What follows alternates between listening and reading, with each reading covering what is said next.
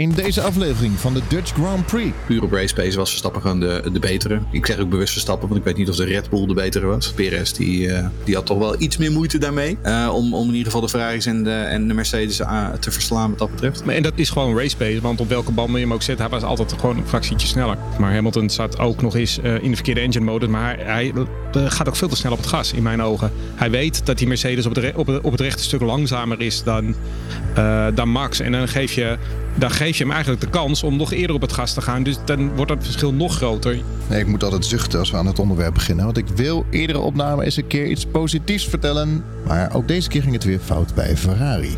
Kansloos weekend. Weer een fout. Je verwacht het niet. En iedere keer zit um, een soort bingo. We kunnen wel een soort Ferrari bingo gaan doen. Welkom bij Race Reporter, de Formule 1 podcast. Met een nabeschouwing op de Grote Prijs van Nederland op ons geliefde circuit van Zandvoort. De vierde keer op rij won Max Verstappen op de, voor de Orange Army, het gekleurde, de gekleurde tribunes. De zege in Zandvoort betekende de eerste keer dat Max Verstappen vier races op rij won. Het is de vijftiende keer dat een coureur dat ooit deed. Fernando Alonso heeft nu 278 races uitgereden. Daarmee evenaart hij het record van Kimi Räikkönen. De puntenfinishes van Sainz en Leclerc markeerden de 800ste Grand Prix waarin Ferrari punten scoorde. Race Reporter. De Formule 1 podcast. Vanuit de Race Reporter podcast studio aflevering 133 seizoen 6. Lucas Degen zit hier, dat ben ik, host en producer van Race Reporter podcast. En vandaag zit ik hier weer met onze eigen Stedtler en Waldorf, de oudjes van de Muppet Show. Jeroen, Jeroen Demmerdaal, autosportschrijver van onder andere Volgens Magazine NRC, bezig met zijn eerste boek, Formule Hopeloos. Rode kaf met de race reporter sticker erop.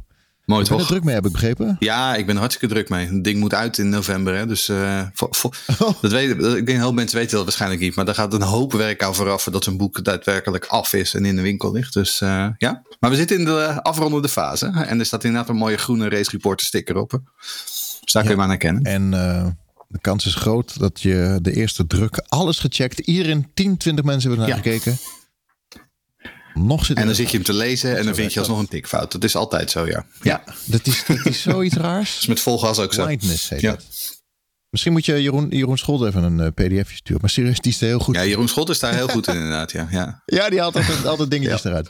Uh, Jeroen Scholte, volger van zowel Formule 1 als uh, MotoGP.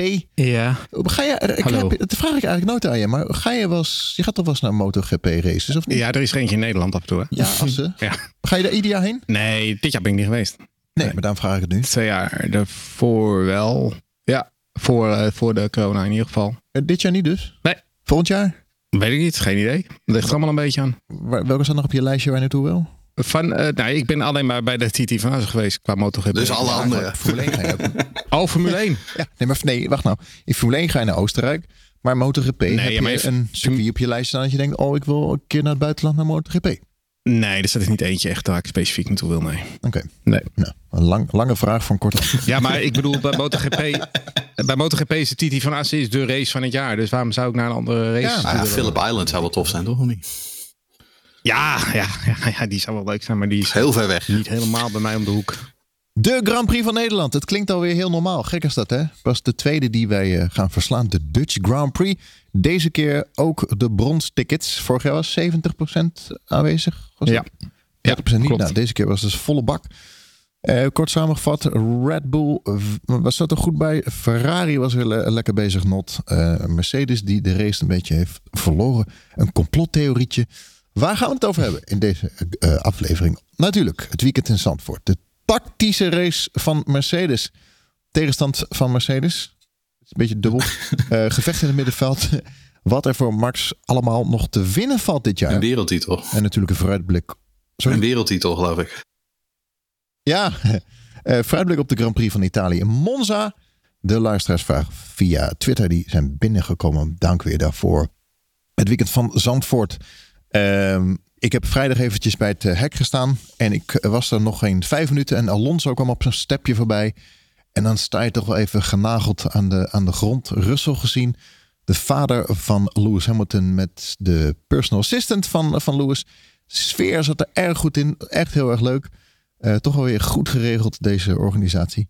Ehm, men heeft het over verlenging. De Formule 1 wil door met, uh, met Zandvoort tot 2026, heb ik begrepen, Jeroen? Daarmee ja, uh, nou, ik denk dat het vooral het heeft te maken met Zandvoort. Moet, uh, heeft voor mij gewoon al een aanbod liggen. En die moeten nu voor, wat is het, november of zo, moeten ze zeggen ja. of ze daarmee door willen. Ja, ik zou niet weten waarom je niet verder wil met Zandvoort. Ik bedoel, we hebben er nu twee gehad. En het is iedere keer, het zet Nederland op de wereldkaart. Um, het, is een, het is een geweldig volksfeest. Uh, wij waren er natuurlijk met z'n tweeën vorig jaar bij, bij de eerste keer. Um, ja, ik zou niet weten waarom die niet doorgaat. Ik bedoel, dit zijn de races die, zeg maar, wat mij betreft, uh, uh, een kers op de taart die Formule 1 kalender heet, uh, is. net als Spa, net als andere klassieke races.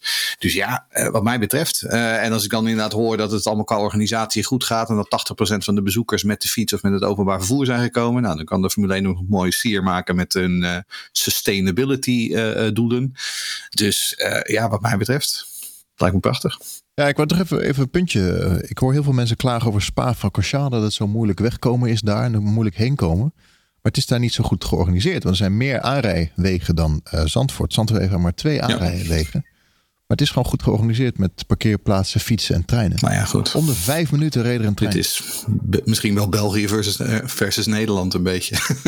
uh, ik bedoel, ja, ja ik, nee, ik, ik, weet het niet. Kijk, ik bedoel, ik, ik heb zelf geen directe kennis van hoe het, uh, hoe het in Spa is. De laatste keer dat ik in Spa was, was in 1999. Dus dat is inmiddels alweer even geleden. Ehm, maar ja, ik weet ook wel de eerste keer dat ik naar Spa ging, dat ik inderdaad ergens moest parkeren in een of ander zompig weiland van een, een of andere boer. Ja. ja, het was allemaal een beetje een zootje. Aan de andere kant, weet je, je hoort dat ook over Silverstone. Dat het ieder jaar, hè, als er ook maar een beetje regen valt, dat het meteen weer chaos is. Uh, en daar hoor je nooit iemand over. Niemand stelt dat ooit ter discussie. Uh, omdat het toevallig de Britse Grand Prix is. Dus uh, ik vind het ook wel een beetje stemming maken, eerlijk gezegd. Komt ook een beetje, denk ik, dat het in Nederland zo goed georganiseerd is. Omdat wij dat natuurlijk, uh, dat evenement wilden we heel graag binnenhalen. Dus ja. we hebben daar uh, allerlei plannen geschreven. Ook voor uh, hoe we er moeten komen met z'n allen. En sustainability en noem het maar op. En uh, kijk, bij Spa, daar staat gewoon een 100 jaar op de kalender. Dus dat vinden ze allemaal wel een beetje goed zo. Daar zijn ze niet bezig met plannen schrijven. Hm. En, en dat is ook een beetje, denk ik, het verschil. Eén puntje nog over Spa, dan gaan we snel verder. Um, ik was er dus. En in Co, daar kan je komen met de trein. Uh, vanuit Nederland. En dat is maar een kwartiertje van het circuit. Dus misschien even een tipje voor België. Regel fietsverkeer tussen Co en het circuit. En dan hebben, houden we hopelijk Spa ook op de kalender. Incident in de kwalificatie met een flare op de baan. Daar gaan we het niet te lang over hebben. Maar dat is, uh, de man is opgepakt en uh, kreeg een, een, draai om zijn oren. Jan Lammers had volgens mij gezegd, hij is genoeg gestraft. Er waren twee flare gooiers trouwens. Ja, dat was er ook nog eentje in de Tarzan, geloof ik. Um, ja. Maar uh, ja, wat je zegt, um, er werd al binnen voor mij een aantal minuten werd er al bekendgemaakt dat ze hem, uh, dat ze hem gevonden hadden. Dat hij uh, directement van het circuit verwijderd was. En voor de rest van het weekend niet meer terug hoefde te komen. Nou, prima toch? Zo moet het ook. Ja. Um, Nee, dat vind ik, ik, ik, vind, ik bedoel, in ieder geval daar moet het mee beginnen. En net als in het voetbal, op het moment dat jij uh, over die boarding heen klimt en je gaat het speelveld op, huppakee, wegwezen. Op, op, uh, en, en, en die kant moet je gewoon op. Want ja, het is wel zo. Um, en ik denk dat dat ook weer, hè, we hebben het wel eens vaak over gehad. Met, met de, de samenleving waar we in zitten. Uh, ik denk wel dat je dit hard aan moet pakken. Want anders dan, uh, dan loopt het binnen no time weer uit de klauwen. Vooral als er een beetje bier in gaat. dan zijn er weer allerlei mensen die dan opeens hun grenzen niet meer kennen. Um, maar goed. Ook weer meldingen van de Formule 1 Vrouwen Nederland Stichting. Is dat zo? Oh, daar heb ik niks van gehoord. Ik moet zeggen, eerlijk gezegd, als er, er is 320.000 man geweest dit weekend. Uh, en dat er daar uiteindelijk maar twee flares op de, op de baan zijn gegooid het hele weekend. Denk ik, nou, Weet je, uiteindelijk, als, ja, als je het als gemiddelde van, van het geheel neemt, heeft gewoon 99,9% van het publiek zich uitstekend gedragen. Ja, daarom. En we hebben ook het flares gezien aan het einde van de wedstrijd. Dan mag het ook niet, want je mag ze niet mee naar binnen nee. nemen. Maar ik denk eigenlijk dat iedereen dat niet zo heel erg vindt. Uh, als het dan gewoon op de tribunes nee. is, dus dat is prima. Het levert mooie plaatjes op. Ja, en voor, ik heb alleen maar dingen gehoord van een hele goede sfeer. En dat mensen echt heel uh, blij en tevreden ja, waren. Dus uh, absoluut. prima. Ook in de stad in Haarlem was het erg gezellig. Luijendijkbocht met DRS levert meer inhaalacties op. zijn jullie daarmee eens? Ja. Ja, dat was absoluut een stap uh, voorwaarts ja, ten ja. opzichte van vorig jaar. Um, want ik bedoel, kijk, de, de, de, bocht was al zodanig ook ontworpen. Hè, dat je er dus zeg maar met DRS doorheen kon. Dus dat je een langere aanloop had richting de Tarzan. Um, en ja, dat werkte gewoon. Uh, en dan weet ik dat Lando Norris, die, uh, die, die had er weer, de, de, weer wat gemer, gemekker over. En die vond dat de Tarzanbocht maar oh, aangepast moest worden. Had ik een vraag over van Tom Plaum. Die zegt na de race, las ik dat Lando Norris ontevreden was. En dat je in de Tarzanbocht niemand kan uitremmen. Hij wil dat die wordt aangepast. Vinden jullie dat ook? Uh, en moeten er eventueel andere bochten worden aangepast om het race te bevorderen? Uh, nou, nee, dat vind ik niet. Want ik vind de Formule 1 al genoeg circuits uh, om zeep heeft geholpen in de afgelopen jaren. dus ze moeten lekker ja. met hun handen van de Tarzanbocht afblijven. sterker nog, je kon prima inhalen in de Tarzanbocht. Ik denk meer dat Lando ja. Norris problemen had met zijn McLaren. en dat daar het probleem zit. Ja, met zijn rechte lijnsnelheid. Ja. ja. Maar stel, stel, we gaan de Tarzan aanpassen. Moet hij dan breder ook een kom worden? En of de nee, de Tarzan moet niet aangepast. De Tarzan nee, is een klassieke bocht. Net als dat we niet opeens Eau Rouge gewoon een rechte streep omhoog trekken. Ik, nee, of, weet ik, of weet dat we 130, stel, 130 Met behoud ja, maar, met behoud van ja, maar, ik, ja, maar dat kan dus niet. Want het, je ziet het namelijk ook aan de Hugenholz. De Hugenholz hebben, daar hebben ze echt een kom van gemaakt. Maar ja, dat is niet meer ja. de, de oude Hugenholz. Kijk, de, ik moet wel zeggen, de Luijendijk hebben ze in die zin goed, wat, wat ooit de bos uit heet ja, natuurlijk. Um, die hebben ze echt mooi aangepast. Dat vind ik echt, dat is een, mooie, uh, een mooie aanpassing. Maar dan moeten we niet te veel doen. Want Zandvoort heeft ook wel nee, een, een, klassiek uh, ontwerp. Uh, en ik zag in de Formule 3 op een gegeven moment Olly Berman die op het schijfvlak buitenom iemand in ging halen. Toen dacht ik, ja, kijk, weet je, het is nog steeds wel een baan die, weet je, een, een, een gewaagde inhaalmanoeuvre beloont. Dus dat, dat moet, moeten we niet om zeep helpen, denk ik. Nou, en ik moet zeggen dat, uh, wat jij hebt het over de Hugelholz, maar ik vind de Hugelholz nog steeds een hele mooie bocht, mm. nu nog steeds. Um, en als ze daar uitkomen, dan, en dan rijden ze zo, je ziet ze zo slingerend uh, over de Hunsrug heen gaan. Ja. Ja, mooi. Ah, dat vind ik waanzinnig. Dat gaat zo hard. Ja. En dat echt dat duindeel is dat zeg maar een beetje op en neer en golvend. Dat vind ik zo mooi gezicht. Mm. Ik hoorde dat het was de Gerlach, die, die, ik hoorde dat die, die, die kom, die als die. Dat is. Nee, de Gerlach zit daarvoor. Dat is die rechte knik waar, waar, waar, ja, waar Magnus eraf ging, zeg maar. Men had het erover dat die beneden vlak is. Dat ze, dat als je die, ja, dat is in de Hugenholz. Dat ja. onderste deel, dat zijn ja. max na afloop. dat is wat vlak. Dus als, ze proberen daar wel eens die, die binnenste lijn te nemen. maar dat, maar dat is eigenlijk altijd langzamer. klopt, ja. Het lukt eigenlijk. Ik zag het volgens mij in de Formule 2 of Formule 3 lukte het er eentje wel. Maar dat is meer uitzondering dan regel dan. Vond het wel opvallend trouwens. Ik, uh, dat is uh, zoiets raars met, met bochtnamen. Tarzanbocht. Ik heb mijn hele leven nog nooit afgevraagd waar die naam vandaan komt. Weten jullie het? Ja. Ja, ja dat was. Er was iets van een. ik, nee, ik weet het niet precies. Het, hij is vernoemd naar een, een, een kerel die daar vroeger uh, woonde. En dat ja, was een hele grote, sterk vent. En die, zijn bijnaam was Tarzan. Maar ik, ik weet niet wat nou precies de link was met het circuit. Maar... En hij had daar, daar had hij een tuintje met aardappelen of zoiets. Of ja, zo'n zo soort verhaal was het. Ja. Had het, uh, had het was mee. Ja, precies. Ja. En hij woonde dan ergens, zeg maar, uit inderdaad zo'n hutje waar hij vaak zat, zeg maar. En daardoor woonde hij een beetje in de jungle. En dus was die Tarzan. Ik bedoel, het is een beetje ver gezocht natuurlijk, maar het is wel een mooi, het is een mooi verhaal. Ik, ik heb een idee. Als Johan Scholt, als jij nou ergens een, een hutje bouwt, daar op het circuit, wordt het hebben we over tien jaar de Scholtbocht. De ponchobocht. De ponchobocht. ja, dat jij daar gewoon de hele dag, zeg maar, de hele dag met je poncho op, zeg maar, in zo'n hutje zit. Ja, dat lijkt me inderdaad prima. Ja. Maar ik moet wel zeggen, kijk, ik bedoel, ik vind inderdaad dat we gewoon van Zandvoort af moeten blijven. Maar ja, het wordt met deze auto's, het is wel op het randje. Hè? Want ik bedoel, in de Formule 2 was het eigenlijk al nauwelijks te doen om in te halen. Want om eerlijk te zijn, de Formule 2 wedstrijden waren echt niet om aan te gluren. Daar gebeurde helemaal niks. Um, Zandvoort is echt een Formule 3 baan. Dat was het in de Masters tijd al. en dat, dat zie je ja, nu nog steeds. Ja, ja, de Formule 3 races waren fantastisch. Daar gebeurde echt heel veel. Dat, was, dat was heel veel spektakel. Um, maar ik moet wel zeggen, um, het, uiteindelijk was de Formule 1 race ook wel aardig. En waren er toch nog wel wat inhaalacties uh, en wat inhaalmanoeuvres. Maar um, het houdt nog steeds niet over. Ja, maar de Formule 2 natuurlijk niet die, uh, de DRS Open in de Luindijk nee, mocht. Hè? Pas nee, daarna de Formule 2. En dat is wel... Ze durfden het niet aan, want die hebben natuurlijk een pakje minder downforce... om daar door die kombocht heen te gaan met DRS Open. Ja. Maar ja. Nu, jij zegt wat Jeroen, we hebben nou over Formule 3. Uh, vroeger was het zo, als je de Formule 3 won, hier, de Marlboro Masters, ja. dan had, maakte je grote kans voor een, wat is het, Formule 3000 testje? Of een Formule, Formule 3000, ja. Dat was de voorloper ja. van uh, ooit de GP2 en wat tegenwoordig de Formule ja. 2 heet, ja. Maar, maar, maar, Zandvoort stond heel hoog. Uh, ja, nee, absoluut. Zandvoort, Zandvoort de, de, de ja. Formule 3 race op Zandvoort was net als Macau en, en, en ooit de Formule 3 race op Monaco. Uh, weet je, de, veel meer inschrijvingen ja. dan dat er mensen konden starten. Want dat was in Monaco ook al hetzelfde. Er kon wel 60 man opduiken voor 26 startplaatsen.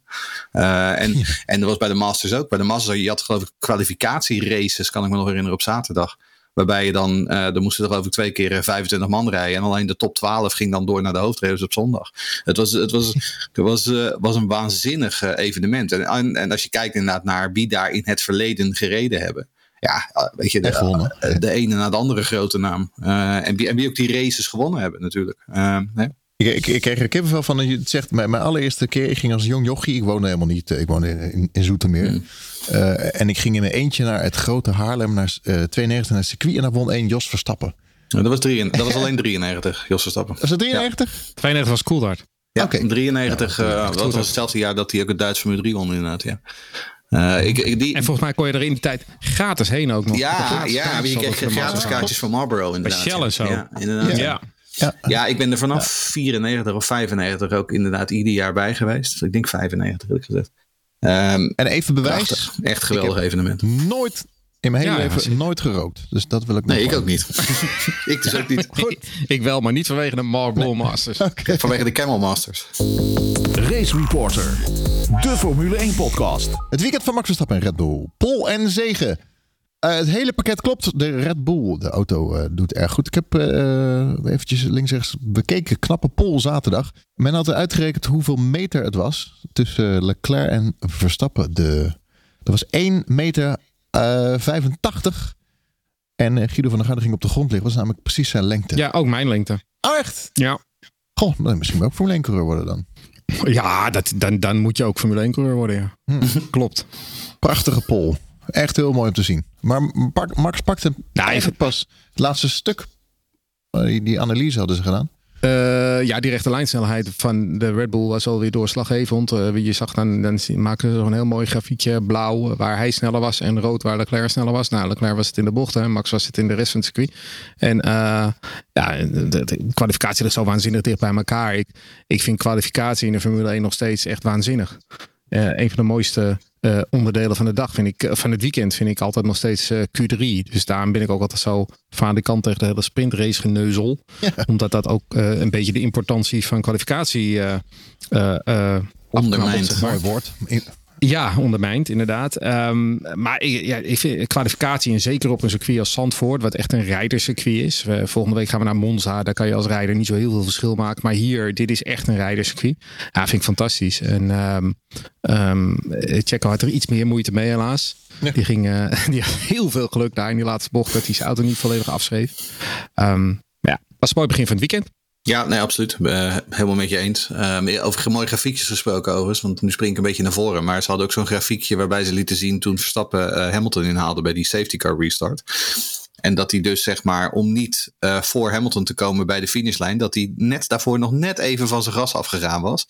En dat Oh, hij ja. daardoor dus echt gewoon een halve voorvleugellengte achter Hamilton zat eh, bij het bereik van de finishlijn. Dat had hij zo per- perfect precies uitgemeten. Dat is heel mooi. Ja, ik zal het wel even doorsturen later. Ik kon het op tv dus niet heel goed zien. Dus ik had echt zoiets van shit, volgens mij staat hij daarvoor. Ja. Maar dat was dus niet Nee, zo gelukkig. net niet. Nee, later zag ik het in herhaling inderdaad dat het net goed was. Maar hij had het eh, echt perfect getimed. Maar dat was eigenlijk dus een beetje te vroeg getimed. Een beetje zeg maar met een klein pedaaltje nog een beetje geholpen bij de timing. Ja. Inderdaad. Ja, nog even een vraagje wat we ons denk ik allemaal wel een beetje afvragen. Jeroen Scholte had Mercedes kunnen winnen dit weekend. Daar hebben we een hele mooie discussie over, eh, Daar eh, vraag ik hem. over gehad. Eh, nee, ja, mijn... Kijk, als ik, eh, zo, ik wilde heel graag dat Max deze race zou winnen op Zandvoort natuurlijk. En als ik naar zo'n race kijk, dan ben ik altijd een beetje nerveuzig. En dan ga ik me altijd een beetje zorgen maken. Maar eigenlijk denk ik niet dat, die, dat ze hem hadden kunnen winnen. Nee, eh, ik, vind, ik vind dat Mercedes eh, de juiste strategie heeft gekozen. Als enige gingen ze voor die eenstopper met de harde eh, band. En in ieder geval voor hen was dat denk ik de juiste initiële strategie, zeg maar. De rest ging allemaal voor een tweestoppertje. Ehm, alleen, ik denk in de basis ehm, dat die Red Bull gewoon op race pace iets te snel voor ze is geweest. En ik las een hele mooie analyse ook van Mark Hughes, die het ook had nagerekend. Ehm, als hij zo door was gereden, dan was eh, Red Bull heeft al aangegeven dat ze Max eh, met nog 22 rondes te gaan, ongeveer ronde 50 op softs hadden gezet. Ja. En dan was hier een seconde of vijf achter Russell gekomen met eh, Hamilton daar nog een seconde of drie, vier voor. En ja, dat hou je niet 22 rondes vol. En we hebben allemaal kunnen zien, twee keer, dat eh, het voor Max heel goed mogelijk was om voor de Tarzan eh, een, ehm, een Mercedes in te halen. Dat deed hij een keer bij Russell in de race en dat deed hij een keer bij Hamilton in de race. Dus ik denk dat het scenario uiteindelijk zo was gelopen dat hij met een ronde of tien eh, aan de leiding was gekomen. Dat is mijn ehm, gedachte erover. Maar Jeroen dacht er anders over. nou, het is meer dat jij zei dat, dat er kan. geen enkel scenario was waarbij Mercedes de race had kunnen winnen. En dat vond ik iets te stellig. Want ik bedoel, De uitvalbeurt een dag later Kijk, want waar ik namelijk op aan het hopen was, en dat was nog voor, dat was voordat uh, Yuki Tsunoda de, uh, er een potje van maakte met die, uh, en een VSC veroorzaakte. Kijk, ik zag inderdaad ook al aankomen. Ik denk, ja, dat wordt inderdaad in die slotfase. Dan moet Max Verstappen, die moet dan een gat dicht gaan rijden. En Hamilton, die moet zich mentaal gaan voorbereiden dat hij met mindere banden een, een koppositie moet gaan, ver, ga, gaan verdedigen. Ja, kijk, weet je, um, normaal gesproken, het is heel aannemelijk inderdaad. De meest aannemelijke scenario's, die, uh, die laten inderdaad zien dat Max Verstappen hem nog wel voorbij rijdt. Maar goed, um, uh, Max Verstappen had in Barcelona in 2016 ook niet moeten winnen. En dat gebeurde wel. Um, en weet je, zo zijn er ook nog wel andere scenario's te bedenken, waarbij je uh, een, een soort, echt een heldenrit uh, ziet ziet. En we weten natuurlijk, vooral vanuit vorig jaar, dat uh, de strijd tussen Verstappen en Hamilton nog wel eens uh, verhit kan zijn. Dus ja, ik keek daar naar uit. Um, en ik dacht voor hetzelfde geld ja, uh, vecht Hamilton als een leeuw en, en, en, en gooit hij zich net als Perez vorig jaar in Abu Dhabi overal en ergens voor en houdt hij hem af. Ik weet het niet. Uh, of, maar ja, Uh, uiteindelijk door die hele VSC uh, na Tsunoda werd dat natuurlijk gewoon een hele academische discussie. Want ja, toen was het, uh, toen was het gewoon gezien. Toen was het gewoon klaar. Um, nou, wat ik wel dus denk ja. van dat inhalen in de Tarzanbocht. Uh, op het moment dat je hem goed oplijnt, is het bijna niet te verdedigen. Hmm. En dat vind ik wel echt, uh, dat is wel een ding. Dus daarom denk ik dat dat niet gelukt was. Maar ja, aan de andere kant, we hebben ook een zevenvoudig wereldkampioen die natuurlijk wel een beetje weet hoe hij zijn auto moet besturen. Dus ik bedoel. Wel nee. Uh, dus ik, ik, had het, ik had het gewoon graag willen zien. En uiteindelijk werden we door die VSC ja. werden we beroofd van een mooie slotfase, uh, vind ik een beetje. Want in die zin, ja, daarna was het natuurlijk sowieso het verstap natuurlijk gewoon de mazzel dat hij onder die VSC kon stoppen. Ja, en dan daarna halen ze hem ook nog een keer uh, inderdaad voor softs naar binnen tijdens die safety car periode. Maar ja, toen was het inderdaad natuurlijk sowieso en op dat moment was natuurlijk Hamilton die aan kop lag, die verklote gewoon zijn herstart. Zo simpel is het. Je zat gewoon niet op te letten. Dat heeft hij in afloop zelf ook nou. uitgelegd. Ja, toen was het gewoon gezien. Uh, maar ik ben ja, hij zat in de verkeerde engine modus. Ja. Kijk, en, maar wat ik ook vanmiddag al tegen jou zei, wij zijn het eens dat het meest aannemelijke scenario inderdaad is dat Max Verstappen gewoon deze wedstrijd ging winnen. Ja. Nou ja, goed. En dat is gewoon race pace. Want op welke band je hem ook zet, hij was altijd mm. gewoon een fractietje sneller. Ja. Um, uh, maar ik vind wel, want los van het feit dat uh, Hamilton, maar nu, ja, Mercedes komt natuurlijk zo meteen pas. Maar Hamilton zat ook nog eens uh, in de verkeerde engine modus. Maar hij, hij gaat ook veel te snel op het gas, in mijn ja. ogen. Hij weet dat die Mercedes op het, op, het, op het rechte stuk langzamer is dan, dan Max. En dan geef je dan geef je hem eigenlijk de kans om nog eerder op het gas te gaan. Dus dan wordt dat verschil nog groter. Je had gewoon 20 meter voor de, voor de finishstreep pas op het gas moeten gaan. Nou, dat Max hem nooit gepakt in de Tarzan. Had hij het wel een ronde later waarschijnlijk alsnog gedaan. Maar dat ja. probeerde Liam Lawson ook in de Formule 2. En dat ging ook niet helemaal goed. Ja. nee, dat was wel heel uh, interessant met, met, met Dan krijg je weer zo'n Mugello verhaal inderdaad. Dus, uh, nou ja, maar goed, uiteindelijk in wat je zegt, puur op race pace was Verstappen gewoon de, de betere. Um, ik, ik, ik zeg ook bewust Verstappen, want ik weet niet of de Red Bull de betere was. Um, want Perez die, uh, moet, die had toch wel iets meer moeite daarmee. om, om in ieder geval de Ferraris en de, en de Mercedes te verslaan wat dat betreft. Um, maar ja, nee, er stond uh, zoals zo vaak al dit seizoen, er stond gewoon geen maat op Max Verstappen. En ik, hij heeft er nu, is het 9 uit, uit de laatste 12. Um, ik bedoel, vorige, vorige week hadden we het erover dat we niet te snel moeten gaan spreken over dominantie van Red Bull en Max Verstappen. Maar inmiddels. Ja. Hè? En daarmee hebben we dus ook meteen de vraag van uh, Niels beantwoord. Die wilde weten dus wat wij ervan uh, hadden gedacht. Had hij wel of niet zonder de virtual safety car gewonnen? Nou, ik denk dus uh, zeker te weten van niet. En Jeroen die twijfelt er nog een beetje over. Maar die denkt eigenlijk ook van niet. Dus Goed. dat is het antwoord. Ja. Dankjewel Niels. Martin heeft ook een vraag. Ja, Martin die vraagt dat Checo nu tweede staat in het kampioenschap. Vind ik te wijten aan het feit dat Ferrari punten morst. En niet omdat Checo dat afdwingt op de baan. Ik zou hem toch eens in de groep willen gooien. Is Checo gewogen en te licht bevonden? Uh, nou nee, dat vind ik niet. Um, want uh, vooralsnog hebben we nog geen enkele Red Bull uh, teamgenoot van Max Verstappen gezien. Die tweede in het kampioenschap stond achter hem. Um, en daarnaast, wie ga je er dan in zetten? ik hoorde alweer mensen voorbij komen die zeiden van ja, maar dan, moeten, we, dan moeten ze nu Ricky Ricciardo terughalen. ja, nou, ik weet niet of je Ricciardo de laatste paar races hebt gaan rijden. Hebt zien rijden, maar er is toch werkelijk geen teambaas die die zak kunstmest op dit moment in gaat huren. Wel. Het is echt, echt verschrikkelijk, nu ook op Zandvoort weer. Echt geen gewoon een lamp mee te bezuinigen Nee, met die man. ja. Ehm, en dan, ja, weet je, en wat ik zeg, we hebben het met Albon geprobeerd, we hebben het met Gasly geprobeerd. Ehm, het is gewoon een hele moeilijke rol. Ook daar het hier voor mij al heel vaak over gehad. Het is een hele moeilijke rol om naast Max Verstappen in die tweede Red Bull te zitten.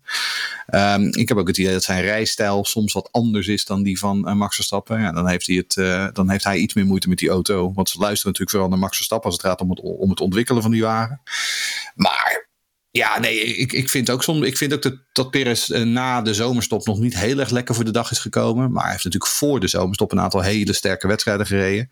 Um, dus hij heeft het wel deels wel degelijk op de baan afgedwongen. En aan de andere kant, ja, als uh, een concurrent uh, steken laat vallen, dan is het aan jou om daarvan te profiteren. dat kun je niet Sergio Perez aanrekenen. Dat kun je alleen Ferrari aanrekenen. Wil ik er ook nog even aan toevoegen dat als je eh, op zoek ben naar een tweede rijder. Ik bedoel, echt een, een, ultieme tweede rijder voor veel mensen was toch wel Rubens Barrichello, toch? Bij Ferrari destijds. Nou, als je dan gewoon gaat kijken naar het jaar 2004 bijvoorbeeld, waar Michael Schumacher, hè, als je die dan even vergelijkt met Max Verstappen, alle twee buiten categorie, eh, met een tweede rijder daarnaast. Als je dat gaat vergelijken en je kijkt gewoon naar in kwalificatietijden, dat Rubens Barrichello, die zit altijd, eigenlijk altijd tussen de drie tiende en de 1,2 seconden zit hij in 2004 erachter. Soms 17e, soms 18e. Heel slecht is het 1,2 seconden. Als hij het goed doet, is het 3 Eigenlijk zijn die gaten altijd zo groot op iemand van de buitencategorie. Dat komt deels omdat die iemand veel beter is. Deels ook omdat Jeroen zegt dat die auto die gaat natuurlijk altijd ontwikkeld worden naar de kopman toe. Dus hè, het komt ook altijd wat meer naar hem toe. Ehm, ik denk niet het is precies wat Jeroen zegt. Je kan eigenlijk geen coureur verzinnen die het beter zou doen. Nou, en er is ook nog de mentale kwestie in die zin dat, weet je, waarom is Ricciardo destijds vertrokken bij Red Bull? Omdat hij geen zin had om tweede viool te spelen. Ricciardo was op zoek naar een nieuwe greener pastures waar hij de nieuwe gevierde kopman kon worden. Um, en dat is natuurlijk wel iets. Kijk, Perez, die, die heeft natuurlijk uit het aan het begin van het seizoen op een gegeven moment riep hij nog wel een beetje, ja, ik ga ook voor het kampioenschap. Maar dat was een beetje als Barrichello toen hij net bij Ferrari begon. Dat was een beetje tegen beter weten in. Hè? Um, maar Perez weet ook wel dat, dat hij in 99 van de 100 gevallen gewoon klop krijgt van Max Verstappen. En hij schikt zich er gewoon naar. Um, hij heeft af en toe een klein beetje tegengestribbeld, maar uh, door de band genomen schikt hij zich gewoon in die rol ik denk dat hij, uh, dat hij prima doet. En trouwens, uh, het is een, ook een, dit is weer een academische discussie, want hij heeft al verlengd. Hè? En maar ik vind het ook zo flauw om iedere keer, als het goed hem gaat, oh, Perez kan een kampioen worden. En als het een even tegen zit, ja, uh, moet hij niet vervangen worden. Ja, maar het is ook gewoon wat je verwacht van een tweede rijder. Ja, tuurlijk, maar ik, ik, het gebeurt maar zelden dat een tweede rijder heel. We hebben het gezien met Hamilton en Rosberg natuurlijk. Daar is het niet echt een tweede rijder. Heb je eigenlijk nee. twee kopmannen. Ja. Maar dan, dat kan je ook doen. Uh, je kan uh, bijvoorbeeld uh, een Leclerc of een Russell of wat dan ook naast Verstappen zetten. Maar dan krijg je weer andere problemen waar je mee Daarom. te maken hebt binnen je team. Mm. En het gaat nu toch goed? Hij heeft, hij hoeft niet eens met tweede rijder te zijn. Al rijdt hij helemaal niet meer. Nee, en uiteindelijk... nou ja, goed. Hij moet natuurlijk wel de punten voor de constructeurs binnen blijven halen. Ja, maar dat maar is het. Kijk, en uiteindelijk is dat het enige wat telt voor Red Bull. Hè? Want we hebben natuurlijk jarenlang gezien dat Mercedes de constructeurstitel binnenhaalde. Uh, zelfs vorig jaar nog toen, uh, to, toen um, Max Verstappen uh, de rijderstitel haalde. Um, Red Bull wil nu die constructietitel weer eens terughalen. Uh, en uiteindelijk is dat waar ze, waar ze op ge, geselecteerd hebben. En met Gasly en ja. met Albon ging dat niet. En nu met Perez zijn ze gewoon op weg naar een tweede, uh, uh, naar een nieuwe constructeurstitel. En dat is wat telt. Race Reporter, de Formule 1 podcast. Gaan wij kijken naar. Nee, ik moet altijd zuchten als we aan het onderwerp beginnen. Want ik wil iedere opname eens een keer iets positiefs vertellen. Maar ook deze keer ging het weer fout bij Ferrari. Kansloos weekend. Weer een fout. Ja. Foutje.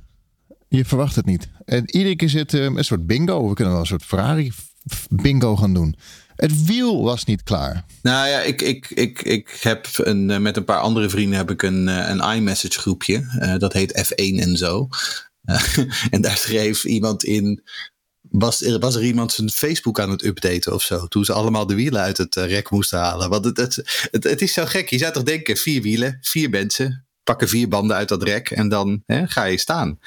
maar hoe je dan in hemelsnaam in de situatie terechtkomt. In de Formule 1 anno 2022. Waar alles zo strak gestreken en modern is.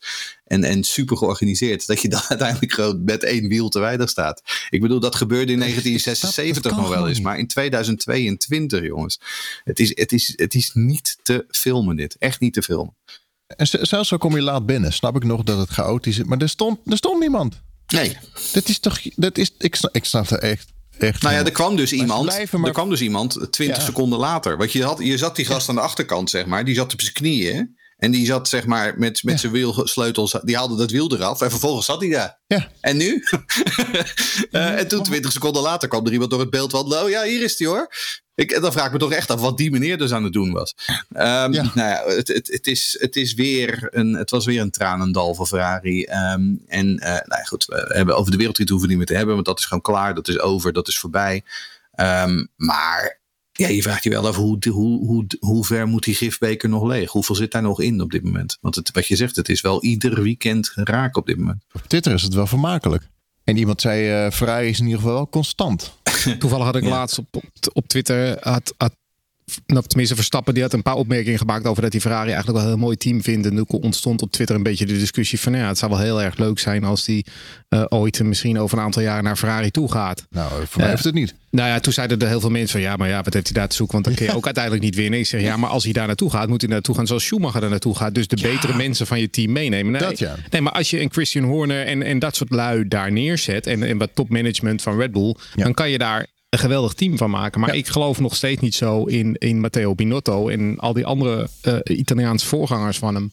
Ehm, ja, het, het blijft gewoon Italiaanse chaos daar. Ja. Dat zou trouwens wel leuk zijn. Dat zou, dat zou geweldig zijn eh, als hij daar naartoe gaat. hele Red Bull team inderdaad naar Ferrari, ja. Nou ja, de, de Horner is eh, 50, 51. Dus misschien zoekt hij nog een keer een leuke uitdaging in zijn leven. Nou, het is een enorme uitdaging. Nou ja, en, en ook, Eh, maar nee, dat is gewoon is een speculatie van mijn kant. Maar ik denk wel dat ze.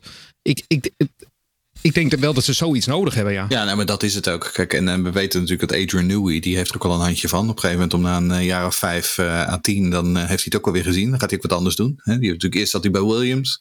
Daarna ging hij naar McLaren. eh, en toen ging hij naar, eh, uiteindelijk inderdaad, ging hij naar Jaguar. Jaguar. Ehm, maar ja, nee, kijk, nogmaals, we, we, kunnen, we, kunnen eigenlijk gewoon weer dezelfde talking points van vorige week eh, afstoffen. Eh, eh, organisatorisch zit het gewoon niet goed daar. Ehm, dit was weer een voorbeeld daarvan. Ja, en wie zijn het kind van de rekening? Charles Leclerc en, en Carlos Sainz. Ehm, zo, wat zo simpel is het. En ik, want ik weet hoe, hoe, is het nou, hoe was het uiteindelijk afgelopen met die wielsleutel waar, waar Perez overheen reed? Daar kwam wel nog een Ja, straf niemand voor, heeft toch? straf. Helemaal niet. Niemand heeft straf. Ook Ferrari niet. Niemand. Ja, Nee. Sainz heeft wel op voor Nee. een unsafe release. Ja, een unsafe dat is- maar dat release. was wat anders. Dat is wat anders. Ja.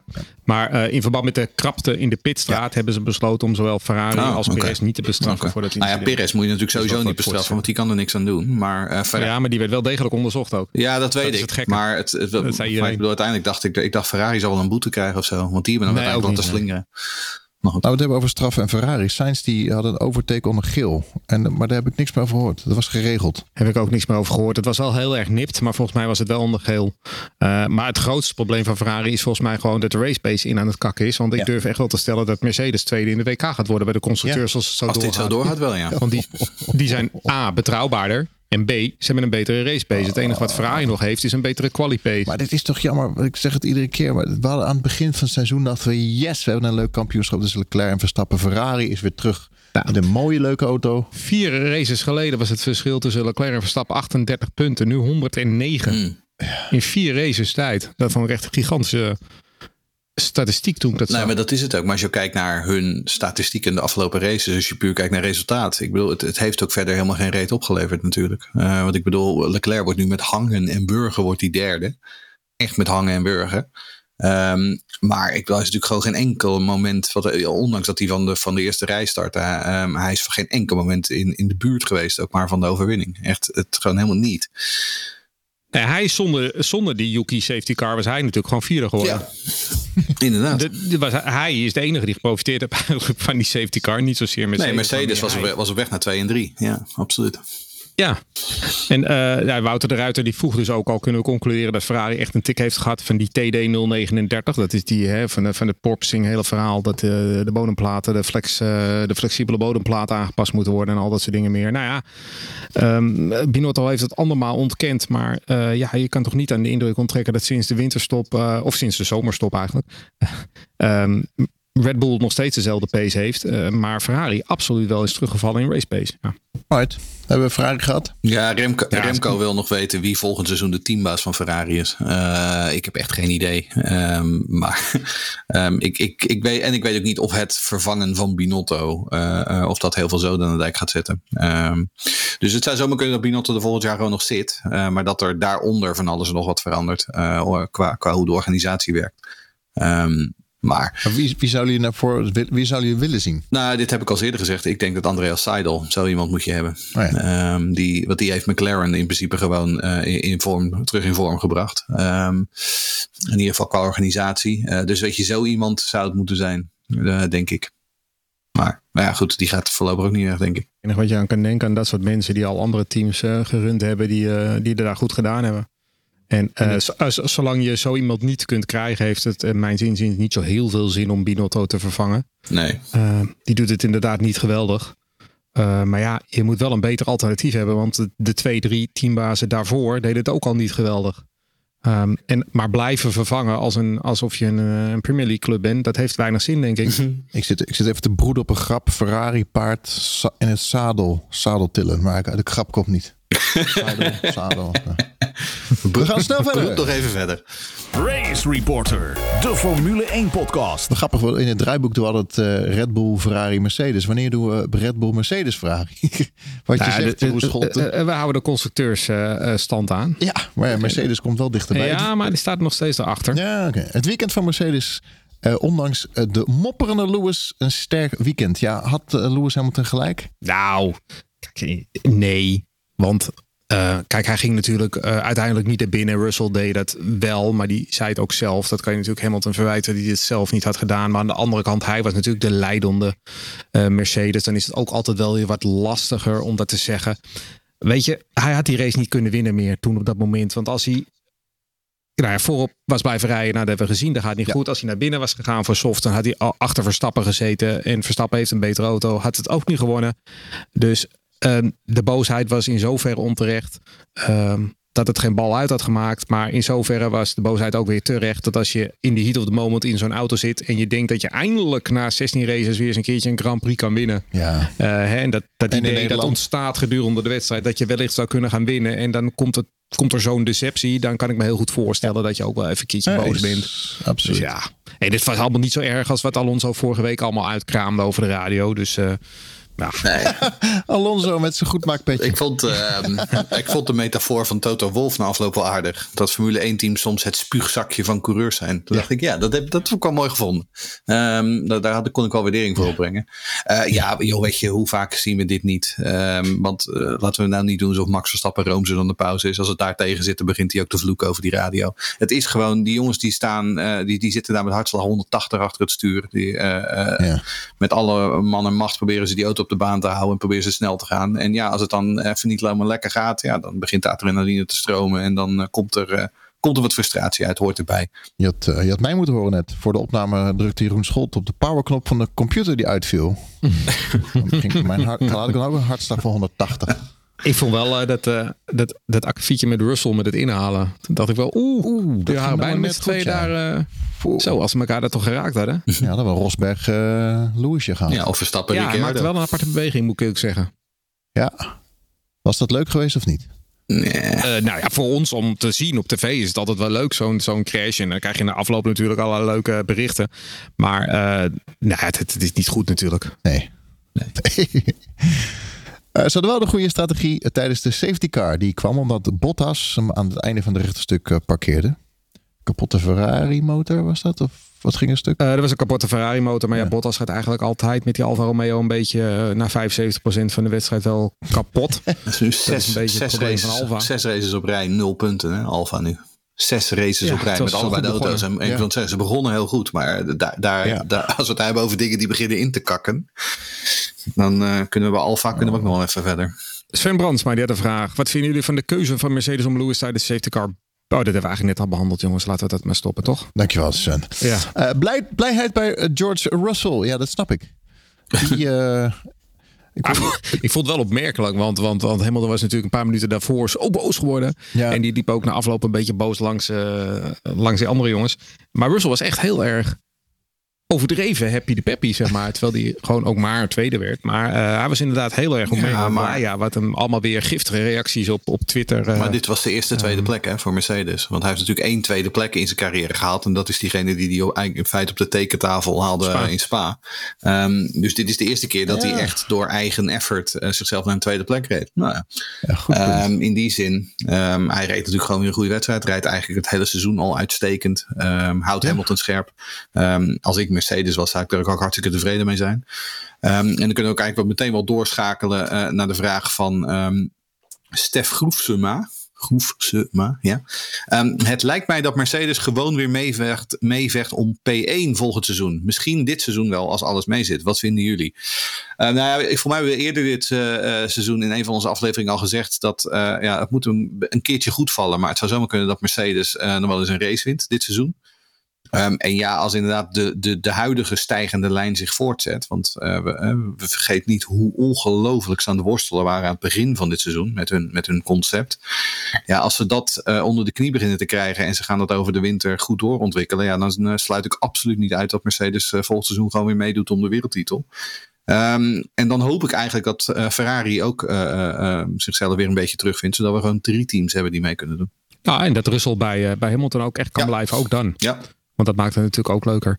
Um, het schijnt wel zo te zijn dat ze die, uh, het laatste wat ik erover gehoord heb, in ieder geval is dat ze die, die, die no, no sidepod concept, zeg maar, dat ze dat wel uh, blijven hanteren, ook volgend jaar weer. Uh, dat ze het vooral over de, ja, maar er zit ook, ophanging. Maar er zit ook echt vooruitgang in. En de vloer en de diffuser, ja. dat ze het meer daar gaan vinden. Ja, maar er zit, ja. er zit natuurlijk wel gewoon echt vooruitgang in. Kijk, natuurlijk in, in Spa ging het even voor een meter. Maar ik bedoel, in Hongarije uh, stonden ze gewoon op pol. Uh, hier waren ze er uiteindelijk toch ook gewoon best wel weer erg dichtbij. Uh, en hadden ze uh, een, een, kleine kans op de overwinning. Um, dus in, in die zin, weet je, er zit wel echt vooruitgang in. Want ik bedoel, ergens, wat was het in Bahrein? Werden ze geloof ik op een minuut gereden door, uh, door Leclerc. nou, dat, is, dat, dat is er inmiddels echt niet meer bij. Ja, nou ja, goed. Spa was dan wel een, een, een outliner, zeg maar, ja. in die zin. Uh, maar dat had misschien ook te maken omdat ze daar iets te hoog moesten rijden. Maar ik, ik, het is ook wel weer. Ik, ik denk wel dat ze volgend jaar inderdaad, om, de, om die vraag te beantwoorden, ook wel weer aardig mee zouden kunnen doen. Maar ik vind ook wel dat de huidige Red Bull wel zo ijzersterk is op alle circuits en op ja. alle omstandigheden. Dat ik denk dat het voor, voor teams die het goed moeten maken met een budgetcap en met alle problemen die we tegenwoordig hebben, dat dat best wel heel lastig is hoor. Ja, nou, dat, dat is best nog wel een heel ding om daar echt op dat niveau te komen. Nou ja, kijk, en natuurlijk Red Bull heeft daarnaast ook nog de, uh, het voordeel dat ze uh, de beste coureur van, van zijn generatie uh, onder contract hebben ja. staan. Wat natuurlijk ook gewoon helpt. Um, kijk, en dat is het voordeel. Perez bedoel je? Ja, exact ja. van zijn generatie is die natuurlijk zeker die Mexicaanse generatie van begin 30. Um, maar nee, ik, kijk, en dat is natuurlijk wel gewoon een voordeel wat Red Bull heeft. Dus wat jij zegt inderdaad, ja, dat, dat basisconcept werkt gewoon bij Red Bull. Nou, dan komt op termijn komt ook die lichtere auto, dat lichtere chassis er nog bij.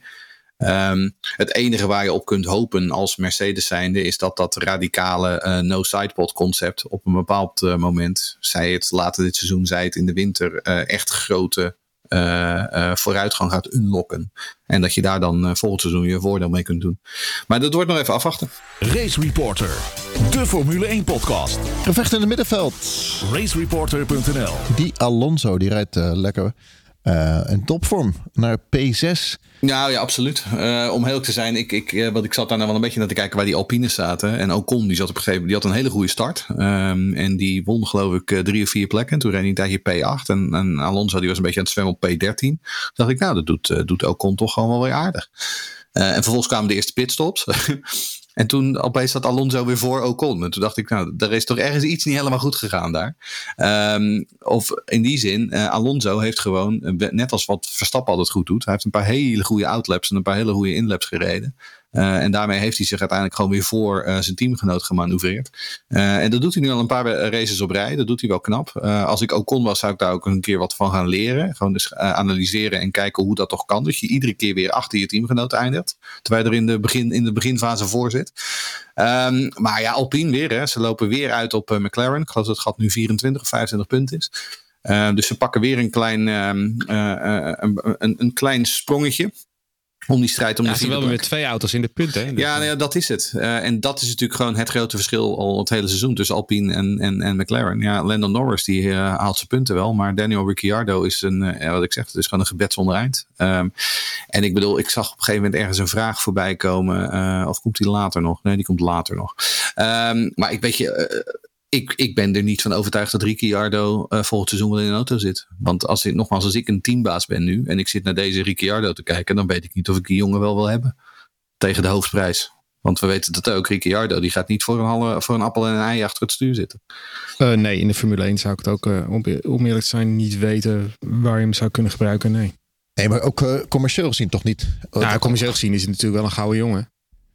Hij heeft een enorme fanbase. eh, iedereen mag hem graag. Het is een jongen die, eh, die goed overkomt. Nee, maar dat Jeroen Nemmers zei dus wel eens van ja, eh, Alonso is ook mede binnengehaald voor Mhm.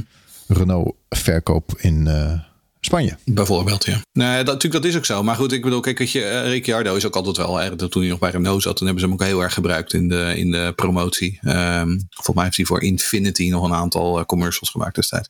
Ehm, hij is natuurlijk wel po- commercieel populair. Maar ja, aan de andere kant, er zijn kapers op de kust. Hè? Want Oscar Piastri zit daar volgend jaar ook. Eh, ja, die gaat natuurlijk ook gewoon veel meer aandacht krijgen opeens in Australië. Die gaat ook een fanbase opbouwen. Dat zeker? Ja, dat is, schijnt inmiddels toch wel redelijk zeker te zijn.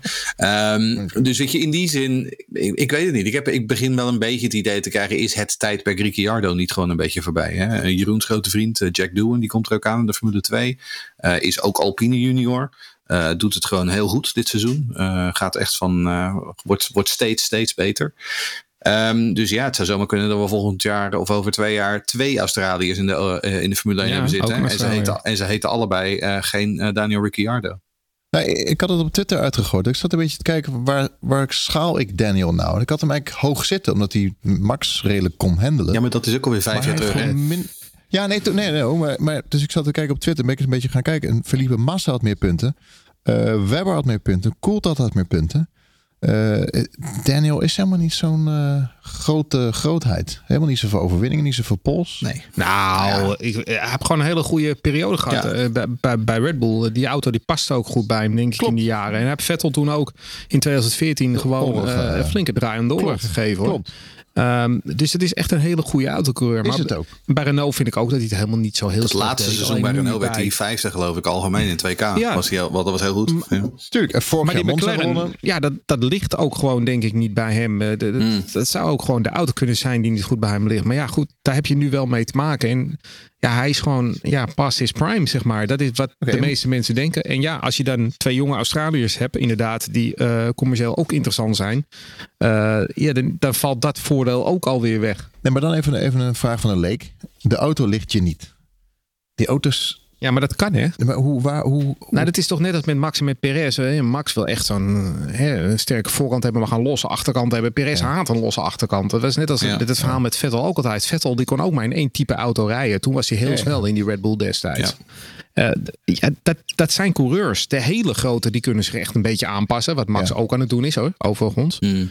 Ehm, maar ja, de meeste niet. Ja, we zagen het bij Kimi Räikkönen ook. Die had heel veel moeite met al die knopjes op het stuur. Ja, nou ja, ik hoorde bij de winter, eh, wintertestanalyse inderdaad. Toen, eh, dan, staan er eh, van van die mensen die dat allemaal analyseren over de rempunten en de instuurpunten en de apexen die, die Max dan allemaal gebruikte. En die heeft natuurlijk met deze nieuwe generatie auto's eh reed hij daadwerkelijk anders dan dat hij met de vorige auto deed. Dus hij Oh, was aan joh. het leren hoe hij ermee moest rijden. Dus sommige coureurs passen zich daar wel op aan, maar dat zijn vaak wel de wat betere coureurs. Ja, maar dat zijn inderdaad de grootheden. Kijk, en Schumacher heeft natuurlijk ook een, een hele batterij verschillende generatie auto's gereden. En presteerde in feite, met uitzondering van die Mercedes, in allemaal. En zelfs in die Mercedes liet hij af en toe. Hè, ik kan me nog die pole lap in, eh, in Monaco herinneren. Zelfs, zelfs Ja. daar af en toe Ja. eh, eh, kwam die kwaliteit er wel doorheen. Ik bedoel, Senna was natuurlijk hetzelfde. Eh, Senna, wor-. Senna worstelde ontzettend met de Williams uit 94. Maar hij wist er wel eh, drie poles mee te rijden voordat, hij, eh, voordat hij crashte in Imola. Dus weet je, het, het, het is gewoon lastig. Maar ik, nogmaals, om terug te komen op de kwestie Ricciardo. Ik, ik weet niet zo 1, 2, 3 waar ik hem neer zou zetten. Ehm want ik bedoel. Nee, nee, ik bedoel even Formule 1. Hè? Ik bedoel, er wordt er nu geroepen van ja, nou, bij Haas is een plekje. Ja, oké, maar als je bij Haas, je hebt Magnussen al. Moet je daar dan zeg maar inderdaad een dus volgevreten voor een fors salaris een Ricciardo neerzetten? Ik weet het niet. Ik weet niet of je daar wijs van wordt. Uh, Williams, dat wil hij zelf denk ik niet. Nee. Um, wat hebben we dan nog? Ja, hij kan toch wel Alfa, hij kan toch een Alfa Tauri, denk ik. Uh, maar nou, Alfa Romeo, ik denk dat daar geen verandering gaat komen. Want, uh, want die, nee, nee, want die, de Haas, die betaalt Omdat hij zo grappig is. Omdat het zo'n leuke, grappige persoonlijkheid is. Zit hem dan alsjeblieft bij Sky TV de interviews. Maar ja, dat mag voor mij. Mag ook bij Viaplay. Nou ja, bijvoorbeeld. Kijk, ik bedoel, dat hebben ze natuurlijk in IndyCar gedaan met James Hinchcliffe. Hè, die, eh, de Canadees, zeg maar. Die op een gegeven moment ook wel een beetje klaar was in IndyCar. En vervolgens hebben ze NBC gezet van, weet je wat, we zetten jou gewoon eens voor een camera met een uh, microfoon in, uh, in je hand. Nou, dat werkt prima. uh, ik denk inderdaad drie keer dat het ook kan. Um, ja, en verder middenveld. Ach, um, ik, hier staat ja. sterk weekend. Schumacher niet beloond. Ja, Schumacher was inderdaad goed. Kwalificeerde goed vooral. Maar ja, dan in de race nou, ik, ik uh, weer niet. Uh, als we het nou hebben over um, uh, Alfa Romeo, die al zes races op rij niet gescoord hebben. Haas inmiddels ook al vier op rijen. Want Magnussen, ja, maar... mooie start. En vervolgens in de Gerlach weer iets te hard en iets te wild. En dan stuit het weer over het gras ja, en rijdt weer achteraan. Haas richt zich op 2023. Hè? En als het 2023 is, dan zegt Haas, zo traditiegetrouw. ja, maar wij richten ons op 2024. ja. drie races in wat, ik me, wat ik me dan afvraag, waarom richten ze zich nu niet alvast op 2028? ja, dan zijn we daar vanaf. Ja. Dan weten we dat. 2028. En dan ben je in 2028 ja. zes spek kopen. Uh. Maar ik weet nog wel, want even terugkomend op het begin van het seizoen, waren allemaal zo blij dat Magnussen weer terug is. Maar dat ja. blijkt toch ook wel een heel erg beperkte coureur te zijn hoor. Nou ja, het is, een, het, is een, het is een jongen die over Leuk, één... Een het is een, ja, dat is het. Maar het is een jongen die over één ronde heel erg hard kan gaan. Um, Zeker, en, en, zeker. En weet je, en toen ze allemaal in dezelfde autootjes reden in, wat is het, Brit Formule 3, toen die geloof ik, wat is het, 15 van de 18 races won of zo. Toen dacht iedereen, toen, toen verbeterde dat record wat al stond sinds Jackie Stewart geloof ja. ik of zo.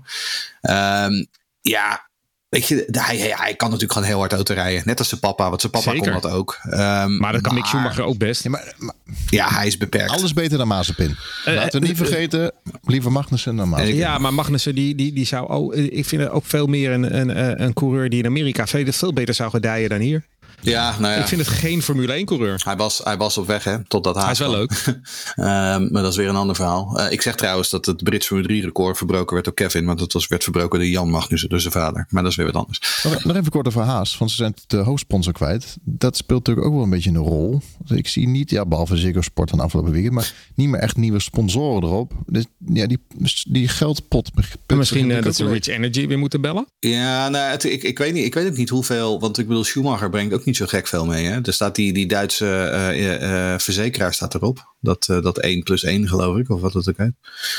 dat is een dat, dat, blauwe, dat blauwe vierkant, dat is een Duitse oh ja. verzekeraar. Ja. En dat, die, kom, die komen via Schumacher. Maar ja, ik weet het niet. Ik, ik heb eerlijk gezegd, kijk, het punt is, Gene Haas hoef je geen, daar hoef je geen, uh, geen medelijden mee te hebben. Hè. Die kan in principe, als hij wil, kan hij dat nee. hele team uit zijn uit zijn achterzak uh, financieren. Dus dat is het probleem niet. Maar ja, inderdaad, de vraag is natuurlijk, hoe lang wil hij dat, dat doet doen? hij niet. Nee, nou ja. ja de on ontwikkeling. Kijk, het skip het ei, nieuw geld, uh, resultaat, resultaat, nieuw sponsor. Ja. ja, het vervelende is, in de basis hebben ze wel een goede auto. Dat hebben we in het begin van het seizoen mm. gezien. De eerste, weet ik veel, pak een beet acht races of zo. Is het gewoon een hele goede auto. Alleen ja. ja, de rest gaat door en zij staan maar stil. Dus ja, dat ja, gaat dat een keertje. vaak met Formule 1. Ja, nou, ja, dat is ook zo.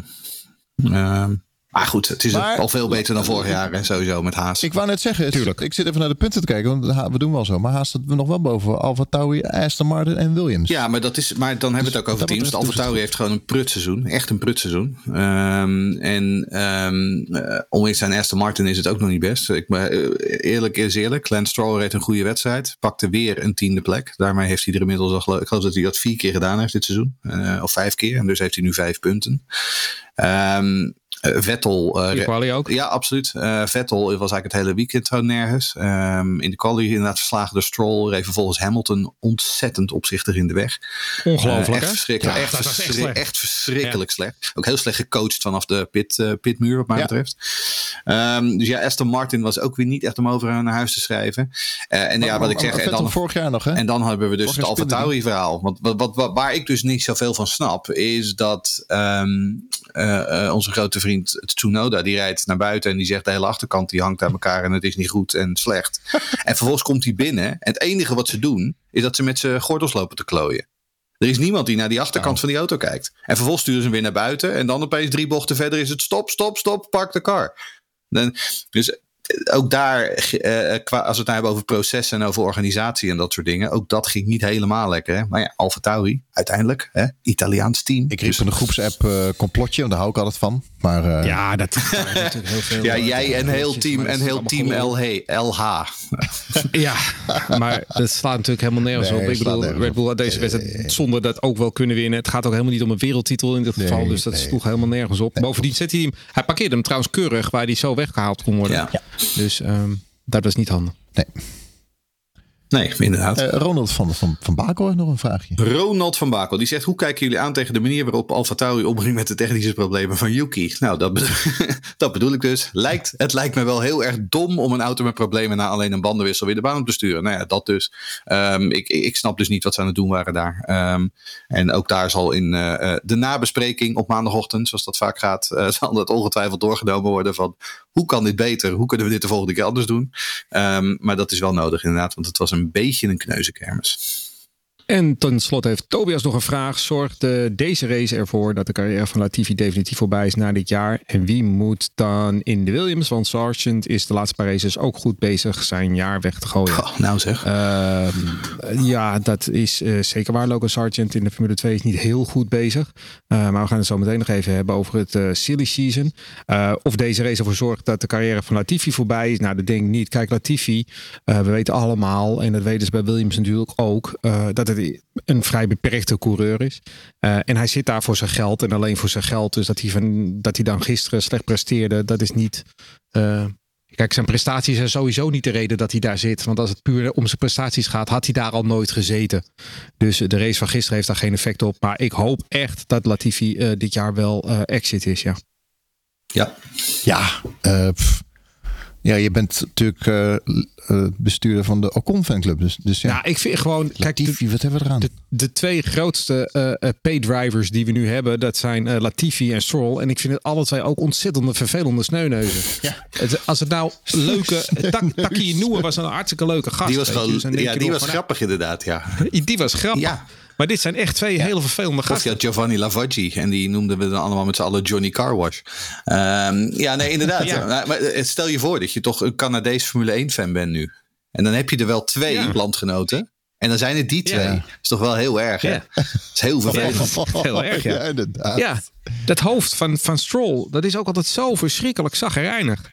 Ja. Dan denk ik, je hebt het mooiste vak ter wereld. Je hebt geld uh, in overvloed. Ja, maar dat zei, en moet je dat hoofd zien. Dat zei Christian Danner een tijdje geleden. Hij zegt volgens mij, Lance Stroll heeft het ook, die vindt het gewoon ook helemaal niet leuk om dit te doen. Hij zegt, ik vraag me ook een beetje af, zeg maar, waarom hij nog steeds in die auto zit. Want hij ziet er, het ziet er geen moment uit alsof hij het naar zijn zin heeft. Nee. Um, nee. Ja, misschien omdat zijn vader dat team toevallig gekocht heeft. Dus ja, hij moet toch, hij moet hij maar. Dan moet hij maar. Het is een moetje, ja. Oh, ik word echt sprakeloos van die strol. Maar één pluspuntje voor mij dan, strol. Die heeft me wel weer uh, extra puntjes opgeleverd in de voorspelspel. Ja, ja, voorspelspel. Spel, Daar zit het hele publiek op te wachten, hè, op die, dat voorspelspel van ons. We gaan kijken naar het kampioenschap titels in de tas. Dat vind ik heel mooi. Titels in de tas. Ja, we moeten niet meer zo naar het kampioenschap kijken, toch? Dat is echt. Uh, nou, die, die strijd om plek 2, die is toch wel echt waanzinnig. Ik bedoel, Leclerc en ja, Perez staan nu gelijk Red Bull Racing eraf op 2-0-1. Ja. Nou, en, en, en ja, maar ook bij de constructeurs. Hè? Ja, de Mercedes zonder overwinning. Bij Ferrari met vier overwinningen. En wat is het? Negen pols of acht pols of zoiets? Ja. En, en 30 punten. Staan bijna gelijk. Ja. Ja, 30 punten, maar hè, voor een team is dat, nee, dat best is, wel snel. dat is zo weg. Dat is niet zoveel. Dus dit vind ik wel uh, bijzonder. Maar kijk, we hebben natuurlijk allemaal in principe veel meer spanning uh, gewild. Maar dat is niet gebeurd helaas. En het enige waar je nu nog naar kan kijken, denk ik, is hoeveel records Verstappen dit jaar gaat breken. Ja. Dus hadden we even gekeken naar uh, een aantal zegens in een seizoen. Dat staat momenteel op 13 op naam van uh, zowel Vettel als Schumacher. Nou, Max staat op 10. Hij moet er dus vier winnen van de zeven, van de komende zeven races. En dan staat hij bovenaan het record. Um, Aantal zegens op rij, dat is denk ik wel een hele lastige. Dat zijn er negen. Voor uh, Vettel, wie het nog weet. Seb Vettel, de laatste ja. negen races van 2013 waren verschrikkelijk saai. Hij won ze alle negen. Uh, Max staat op vier, dus dat lijkt me nog wel heel erg ver weg. Nou, aantal podia in een seizoen, dat kan hij ook verbreken. Uh, die heeft hij vorig jaar zelf op 18 gezet. Hij staat nu op 12, dus ja. hij zou theoretisch op 19 uit kunnen komen. Nou ja, Ik denk eigenlijk als Max niet meer uitvalt, dan komt hij ook op 19. Want dan staat bij deze auto denk ik wel vrij snel al op het podium. Ehm, dan heeft hij nog aantal punten in één seizoen. Het record is 413 van Hamilton in 2019. Max staat momenteel op 310, dus hij heeft nog 103 punten nodig. Nou ja, er zitten nog 190 punten in het eh, WK, wat je als coureur kan halen. 190, 193 punten geloof ik. Ehm, dus dat moet redelijke, redelijke kans dat hij dat kan halen. Hmm. Dan heb je nog de grootste voorsprong aller tijden. Die staat uh, Vettel uiteraard in datzelfde 2019. 155 punten voorsprong had hij toen. Max staat nu op 109 punten voorsprong. Maar ja, wat ik uh, net al aangaf. In vier races tijd is hij van 38 punten voorsprong naar 109 punten voorsprong gegaan. Dus als hij die trend doorzet, dan is die grote voorsprong is, uh, is zomaar meer dan 155. En tenslotte kan hij dit jaar, dat is niet een record dan, maar hij kan wel de top 6 uh, van all-time uh, all overwinningen binnengaan. Als hij nog, nog drie overwinningen pakt, dan is hij voorbij aan Nigel Mansell en ja. Fernando Alonso. En dan staat hij op zijn 25ste, want dat is hij dan waarschijnlijk wel al. Um, ja, dan, dan staat hij uh, zesde en dan staat hij achter de grote Ayrton Senna. Nou, mooi. Mooie statistieken. Ja, ik, ik, je, hebt, je hebt toch een saai kutjaar nu qua WK. Dus ja, dan moeten we maar gaan kijken wat hij hier allemaal... Uh, van kan gaan wel, halen. Wel, wel, grappig dat jij een geheim uh, draaiboek er nog naast hebt. Nou, ik heb het even uh, opgeschreven. Want ik had zoiets. Kijk, ik maak dat draaiboek. En dan denk ja, ik, ja, gaan we nou weer over dat WK neuzelen? Wat gaan we erover zeggen dan? Nee, dus ik denk, nou, heel mooi. Dan gaan we die koortjes maar even pakken. Ja. ja. De tweede plek, Jeroen Nemmerdan zei het al. Leclerc en Perez hebben allebei evenveel punten. 201 punt. Ja. Ja. Ja, dat komt ook een beetje door, uh, door de Ferrari-ellende. Race Reporter, de Formule 1 podcast. Gaan we kijken naar de silly season. Dat is altijd rond Monza, hè? Silly season. nou ja, eigenlijk is het dit jaar wel een heel, heel jaar al silly season. ik wil zeggen, het begon al in juni, geloof ik. Dus um, ja. Maar goed, maar je, goed. Zei het, je zei het al. Piastri. Ja, Piastri inderdaad. Dat is nu rond inderdaad. We hebben nu uh, de Contract Recognition Board, zoals dat heet. Uh, die, uh, die heeft een oordeel geveld en die gaat daarover. En die heeft gekeken naar de contracten die zowel Alpine als McLaren hadden met Piastri. En die heeft geoordeeld dat McLaren het um, het recht aan hun zijden heeft. Uh, en dus gaat Piastri volgend jaar naast Lando Norris voor McLaren rijden. Uh, en of Alpine even 500.000 euro's wil aftekenen aan uh, juridische kosten. Dat stond ook in een document. Um, ook die voor McLaren, hè? Ja, precies. Want als je de zaak verliest, dan moet je inderdaad ook ja? de juridische kosten van de andere partij betalen. dus ja, nou ja, dat is inderdaad nu rond. Um, de grote vraag is nu natuurlijk, wie gaat er bij Alpine zitten? Um, nou, het gaat toch wel heel erg uh, uh, hard, uh, wordt er nu geroepen over um, Pierre Gasly. Wat dan weer betekent dat Alfa Tauri een andere coureur nodig heeft. En wie zou er dan Pierre Gasly gaan vervangen? Nou, volgens de TamTam -Tam en volgens Helmut Marco zelf wordt dat Colton Hurta, de Amerikaan vanuit de IndyCar. Het enige probleem met Colton Hurta is dat hij geen superlicentie heeft en dat de meneer van de FIA heeft gezegd van wij gaan daar geen uitzondering voor maken. Um, ik weet het niet wat ik hier allemaal van moet vinden. Uh, wat nog grappiger was dat Brian Hurta, uh, Coltons vader, gisteren door de Amerikaanse televisie werd gevraagd van, uh, heb je dat gehoord? je zoon gaat naar de Formule 1. En toen zei hij van, ik weet van niks. Ik weet niet waar het over gaat. Um, dus dat moeten we nog even afwachten. Um, maar ja, er is inderdaad een, een hoop geschuif nog op de, op de, op de rijdersmarkt. en daarna uh, hebben we ook natuurlijk nog uh, de kwestie 2026 Porsche en Red Bull. Want dat was, zou er uiteindelijk dat zou allemaal wel rond zijn. En Porsche en Red Bull zouden 50-50 de handen ineens slaan per 2026. Maar nu blijken er toch wat kinken in die kabel te zitten. Um, en nu is de vraag of dat überhaupt wel doorgaat. Um, en er gaan dan nu weer verhalen dat Porsche eventueel voor McLaren zou gaan in 2026. Dus Zac Brown is kortom lekker vrienden aan het maken in de paddock met alles en iedereen. Um, ik vind, ik vind uh, gewoon even de vraag aan jou, want jij zit veel in het Amerikaanse gedoe. Ja. Maar ik vind. nee, maar uh, ik heb wel het idee dat Zack Brown, die is gewoon alle coureurs waar je niet een beetje talent ziet, dan denkt hij, ik uh, leg ze vast en dan zie ik later wel of ik ergens een stoeltje in een bepaalde ja. raceklasse kan vinden waar ik hem in kan proppen of zo. Ja, maar, maar waarom niet? nou ja, ik, ik had begrepen, en dat, dat weet je misschien beter, dat Palau ervan uitging dat hij Formule 1 zou kunnen gaan doen. Ja, Alex Palou, werd, niet Alex Palou was uh, zeer onaangenaam verrast door de verhalen rond uh, Piastri. Ja. Want, Ja. want ze en hoe gaat dat dan nu verder met, Nou met hem? Dat, dat, dat is dus de grote vraag. En ook dat is weer, want ik bedoel, we hebben ook in Amerika is momenteel een silly season gaande, wat we nog nooit hebben gezien. Met inderdaad, want daar begon het, hè? Van eh, de rijders werden aangekondigd en vervolgens drie minuten later gooiden ze op Twitter van, eh, ik, ben, ik heb helemaal niet getekend bij dat team. Daar begon het. Eh Piastri. maar wat is het doel dan van. Zack Brown met Palau? Palau, Palau, Palau. Ja, ik denk, wat ik denk is dat Palo gewoon eh, uiteindelijk in die derde IndyCar van McLaren moet komen. Eh, ik denk dat dat het idee is. Maar ehm, de, de- het is wel degelijk zo dat ze hem een soort van wortel hebben voorgehouden. Van ja, maar bij ons kun je ook Formule 1 testen. En dan op termijn, dan kun je misschien wel de Formule 1 in. Het punt is natuurlijk dat Norris ligt, wat is het, voor drie of vier jaar vast. Eh, Piastri, die hebben ze nu voor minstens twee jaar vastgelegd. Ehm, en als die gewoon presteert, dan gaat hij ook nergens naartoe.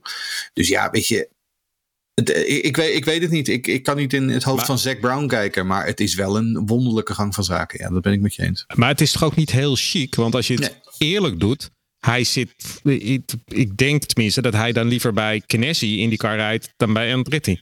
Eh, ja, dat denk ik. Maar dat weet ik niet. Ik heb geen idee. Met het oog op de toekomst. Hij is dagelijks kampioen geworden. Dixon is op leeftijd. eh, ja, bij Ganassi bedoel je inderdaad. Ja, ja, precies. Ja. nee, dat is ook zo. Ja, dat, dat zou ik ook denken. Maar ja, het punt is nu dus ook inderdaad dat, eh, wat ik zeg, het verhaal nu ook weer dat Colton Hurta dan eh, eh, dus naar de Formule 1 zou komen. Maar dat dan vervolgens in Amerika ze dat leuk zeggen van ja, wij weten van niks. Want laat wel wezen, Helmut Marco is ook een beetje een schuinsmarcheerder hè, als het om dit soort dingen gaat. Oh, echt? Eh, die roept natuurlijk ook van alles en nog wat. Maar het zou, wat, wat het grappige was namelijk dat die discussies over de superlicentie, die begonnen eerst. Dus het zou zomaar kunnen dat Helmut Marco een soort van publiekelijk zegt van ja, maar ik heb hem al vastgelegd, dus jullie moeten die superlicentie even fixen. Dat hij probeert om op die manier een beetje druk op de zaak te zetten. Ik weet het allemaal niet. Ik weet alleen wel dat dit, een, dit is een, een silly season, wat we volgens mij nog nooit hebben meegemaakt. Op deze Ja. absurde manier. Ehm, en, en er is geen touw aan vast te knopen. Maar wat vinden jullie nou van die superlicentie? Want ik lees heel veel mensen, die teambaas, die zeggen van ja, we hebben dat systeem, dus we moeten ons daaraan houden. En er zijn heel veel mensen op Twitter ook en eh, eh, ook eh, journalisten die zeggen van ja, dat kan ik wel vinden. De FIA heeft een systeem opgesteld om hè, toch een bepaalde kwaliteitswaarborgregeling te treffen. Je moet aan bepaalde eisen voldoen om Formule 1 te kunnen rijden. Ja. Maar een van de mogelijkheden is, als je geen superlicentiepunten hebt, is om via dat force majeure te gaan.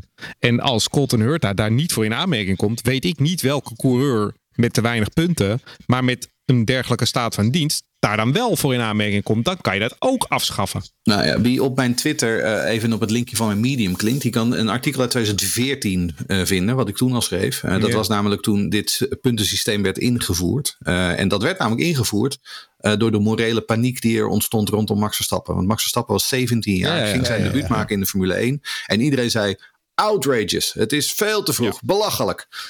Eh, De ironie is natuurlijk dat uiteindelijk, uiteindelijk die coureur die dat puntensysteem heeft veroorzaakt, eh, de grootste van zijn generatie geworden is. Maar dat is weer een andere kwestie.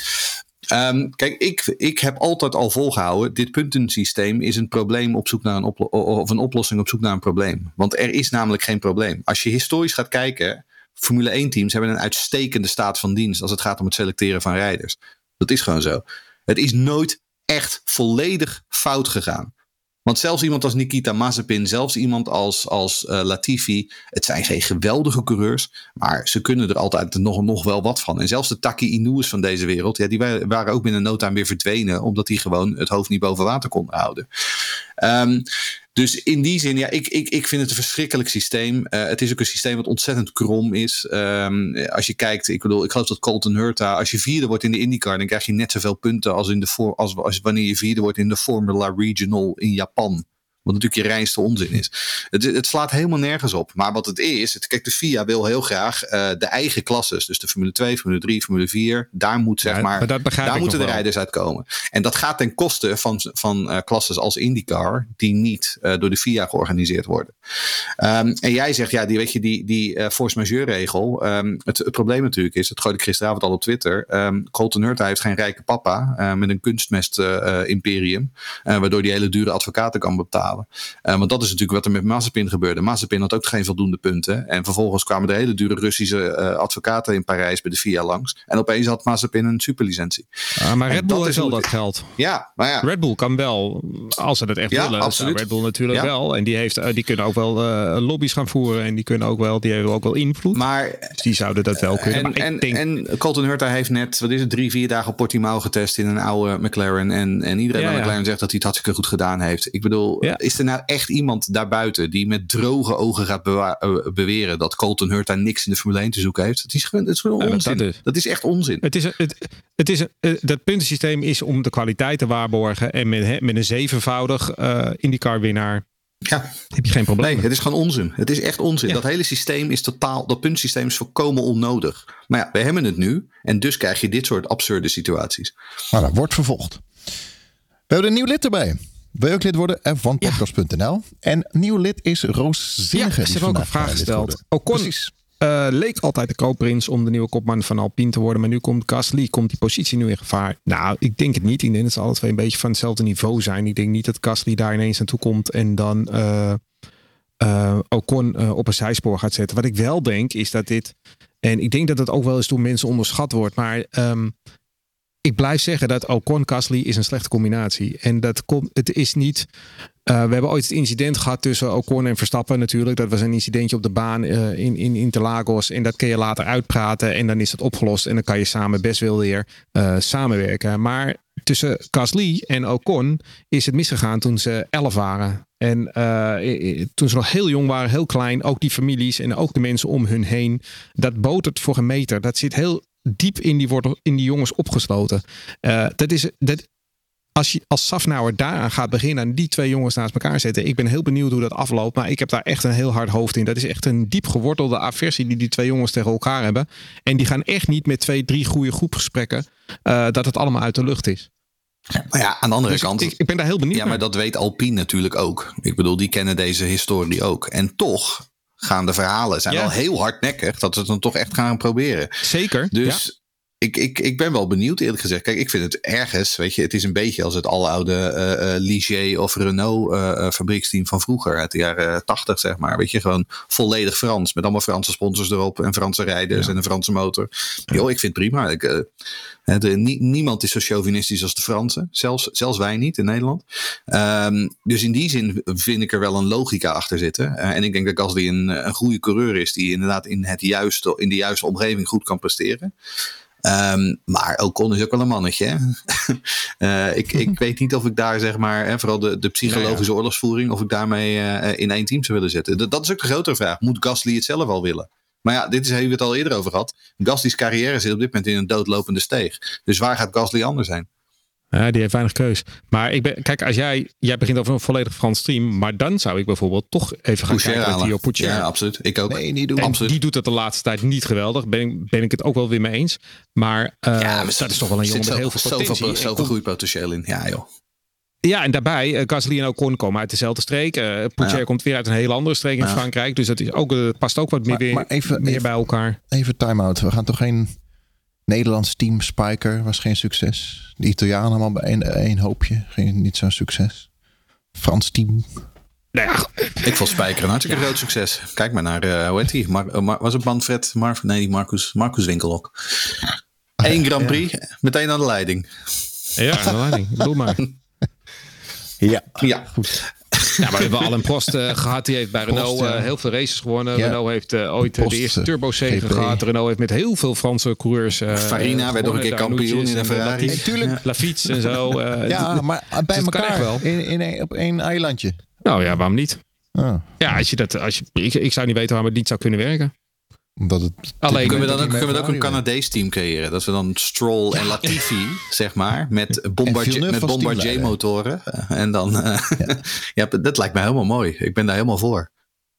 Weet je trouwens dat uh, jou, ja, want Jacques Villeneuve, jouw grote held, die gaat Ja, deze week gaat die ja. testen op Ja. Monza, hè, Ja. deze week. Ja, ja. Vertel eens, hoe zit dat? Nou ja, dat was het. Oh, oké. Meer valt er niet te vertellen. maar eh, die man weegt toch, eh, is toch niet meer, dat heeft toch niet meer de conditie? Of de, Nee, maar hij gaat niet een raceafstand zeggen, hij gaat niet, hij Nee, gaat niet eh, de vier uur van Monza rijden. Nee, hij, dat gaat, was meer- hij gaat een paar rondjes rijden in een moderne Formule 1 kijken, auto. Om te weten hoe een uh. Formule 1 auto Ja. een beetje werkt. En, uh, uh, nou ja. Het is die van vorig jaar, toch? benieuwd. Het? Ik denk, dit, Die Sorry? auto van vorig jaar, toch? Is het geloof ik weer. Ja, volgens mij wel, ja. ik denk dat hij het nog goed gaat doen. Serieus? Ja, hij, is ook nog een, hij is ook nog een keer wereldkampioen geworden, geloof ik. Hij heeft nog een keer de Indy 500 gewonnen ook. Ja. Ehm, nee, het punt is, het gaat natuurlijk helemaal niet om rondetijden uh, hierbij. Ehm, kijk, Nee. Jacques Villeneuve is een grote meneer. Dat, is, dat zal hij altijd blijven. Ehm, eh, ik vind het wel leuk. Kant wereldkampioen. Eh, ja, precies. ja. Leuk. Ik kijk ernaar uit. Waar we ook naar uitkijken is de Grand Prix van Italië, Monza. Waar vorig jaar Danny Rick nog won. Mooie oud circuit. Ik hou er wel van. Echt, ik moet het iedere keer noemen. Simrace het meest gesimracede circuit uit mijn, eh, mijn simcarrière. Heerlijk vol gas op die chicane af denderen. De broodjes missen, want daar ging het vorig jaar dus mis. En ehm, herinneringen, Monza. Nou, daar kunnen we wel eh, een uur voor gaan zitten, denk ik. Ja, ik mis toch altijd die oude chicane die ze Ja. vroeger hadden, die, eh, die de andere Die kant op dubbele. ging. Ja. Die dubbele. Ja, ook ooit, eh, die dubbele hebben we ook gehad, ja. Maar waar Hakkinen ooit ook eh, heeft staan huilen toen hij daar eh, Ja. de, de boel eh Ja, hij schakelde het eentje. Hij schakelde Ja, eentje, ja. ja. Toen sloeg de bak vast, ja. Ja, en Senna, die Eh. nog een keer bij, eh, hoe heet die, die, hoe heet die rare Fransman van die inviel bij over Williams. zijn wiel. Eh, nee, ja. Nu kan ik niet op zijn naam. Nu kan ik, ik, ik wil zeggen Pierre-Henri Carré. Jean-Louis, Schlesser. Ja, precies. Ja, die Schlesser, Schlesser, ja. ja. Dat was hem. Eh, die één race inviel bij Williams. En vervolgens drie ronden voor mensen de waterpok had. en drie ronden voor het einde eh, le- leider Ayrton Senna uit de wedstrijd hielp. Ehm, ja, opmerkelijk. Dat was, ook, dat was ook de eerste oude chicane. Vettel, Toro Rosso, Nou, regen. Ja, dat, het, jaar van Vettel was mooi inderdaad. Ja. Dat, dat 2008, dat was wel een waanzinnige wedstrijd. Het Sowieso. mooiste van Monza, maar daar moet je sowieso de Italianen eh, altijd wel eh, een beetje de credits voor geven. Is dat ze hun oude, hun oude klassieke baan, dat ligt er allemaal nog. Hè? Die, Ja, die oude ja, kombanen ja. en zo. En als je dan kijkt naar bijvoorbeeld hè, Hockenheim, wat de Duitsers volledig vernietigd hebben. Dat, dat vind ik zo verschrikkelijk. Maar die oude kombaan, dat, dat, met de verroeste vangrail, Oh. gras er tussendoor. Maar dat is prachtig. Ja, Dat, moet je, dat is, vind ik het allermooiste van Monza. Dat moet je gewoon laten liggen. ja, ja, ik wil Hockenheim terug. Het oude Hockenheim. Ook al was het saai, ik wil het Ja, maar je had het gewoon moeten laten liggen op zijn minst. Dat is Ja. toch mooi? Dat is historie. Dat mag je Ja, ook best laten.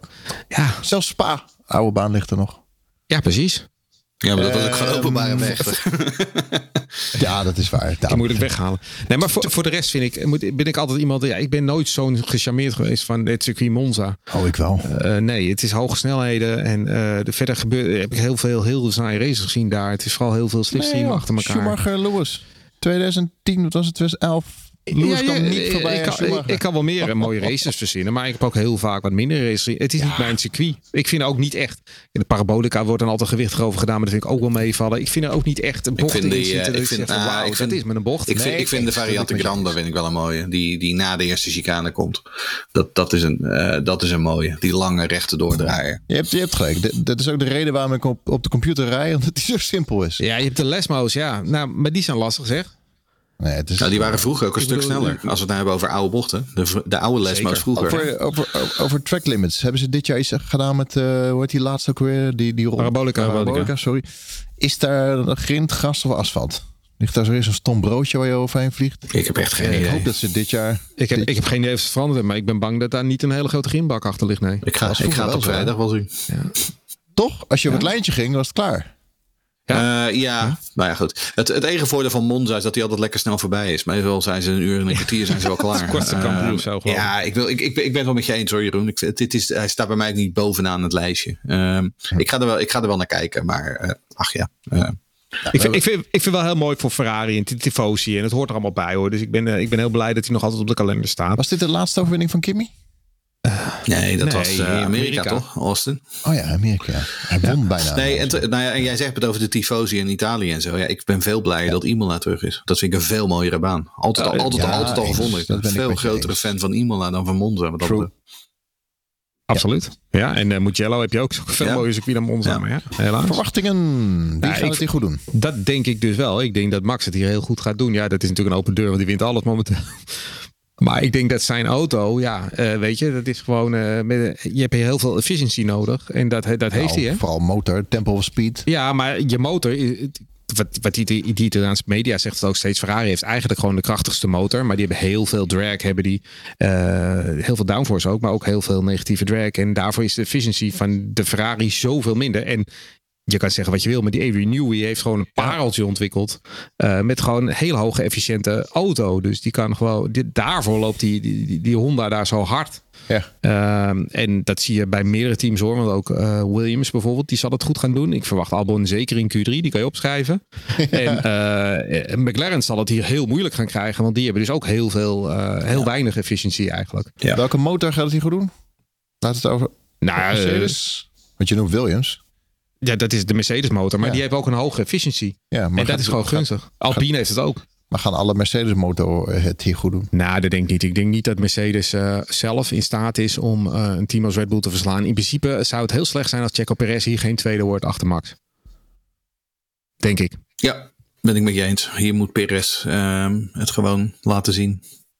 Ja. Red Bull 1-2 moet het worden. En volgens mij is dat trouwens dan ook een record. Want dat zou de vijfde 1-2 van het jaar zijn. En Red Bull heeft nog nooit vijf 1-2's in één jaar gepakt. Ja. Wat goed. Ja, Wanneer, ja, ja. Nou ja. boek uit? Nou, maar ik ga een recordboek schrijven. Denk ik. Het heet dan het Scholte Book of Records. Ja. Ja, Ja.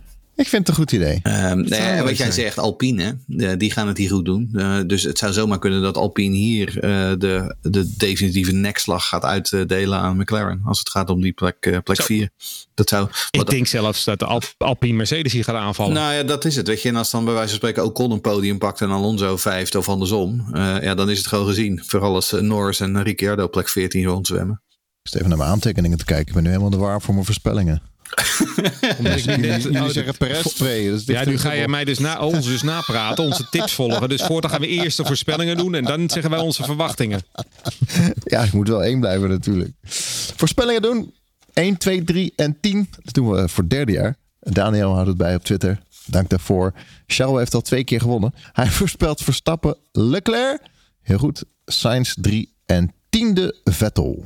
Eh Jeroen Schotten. Nou, dan ga ik voor eh één eh, Verstappen, twee eh Perez. Drie wordt dan eh, denk ik toch een verrassende Alpine. Alonso doen we. Ehm, en eh, eh, het tiende wordt dan ehm, denk ik Alex Albon. Eh, Verstappen, Perez, Hamilton. En eh nou, vooruit Norris scherpt een puntje. Nou goed, dan ga ik toch me, omdat ik dan eerlijk ben, mijn echte, wat ik heb opgeschreven. Verstappen 1, Lewis 2. Derde, denk ik, Perez. En Vettel 10. Zo, spannend. Monza, de Grand Prix van Italië. 11 september, 9-11. Dat is ook een herinnering nog eventjes. Dat Ferrari toen met een zwarte voorneus reed. Ja, Een voorneus, als in tegenstelling tot een achterneus, bedoel je? Nee, in tegenstelling tot een wijsneus. Ja. Ehm, De race om drie uur 's middags. 11 september, ja. Race Reporter, de Formule 1 podcast, wordt mede mogelijk gemaakt door een aantal leden. Die houden Race Reporter in de lucht. Ik noem even de, de gouden leden en de donateurs. Menno Turksma, dankjewel. Martin Verduin, Rens Verberne, Go Max, Bas van Bodegraven, dankjewel, super tof. Niels de Boer, Ron Hazelbach, Hugon Elbersen, Jan-Noos Volmer, Jasper Heijmans, dankjewel.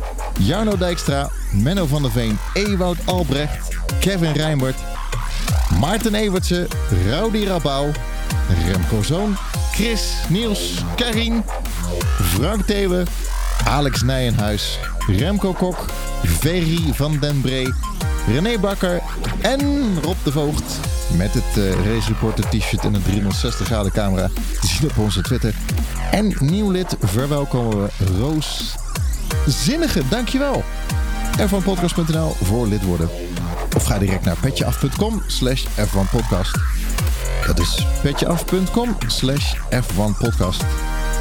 Eenmalige donaties van Annelies Bier, dankjewel. Ties Roodhart, Lotte Luiten, Etienne Peters, Daan Legrand, Harry de Groot, Misa Kommeren, Luc Wenink en Harry. Super bedankt. Hou Race Reporter in de lucht. Support ons. Ga naar petjeaf.com slash F1 Podcast. Deze maand 10% korting. Gebruik de code september 22 op petjeaf.com slash F1 Podcast. Oké, nou eh, heren, dat was hem weer. Hij staat er weer Ja, op. verla- ik wil wel eh, eigenlijk, want volgende week zitten we hier dus weer. Maar dan heb je denk ik wel een Monza-shirt aan, hè? Want voor de luisteraar, hij heeft nu een Zandvoort-shirt aan. Zandervoort, ja. Ik ben heel benieuwd naar je Monza-shirt. Ga ik weer pasta meenemen naar de studio. Nou, ik denk, ik denk dat het zo'n... eh, in, in Antwerpen heb je een pizzeria. Daar hebben ze tafelkleed, de servetjes, de, de lampenkappen en de overhemden zijn allemaal hetzelfde. Het is zo'n rood-wit geblokt overhemdje. Oké. Ik denk dat die misschien wel aangaan. Of een Ferrari-shirt, wie weet. Oh ja, die heb ik ook nog. Ja, oké. Ja. Heren, dank jullie wel. Tot de volgende. Yo. Is goed, tot volgende week. Ciao, ciao, Ciao, ciao. Hoi.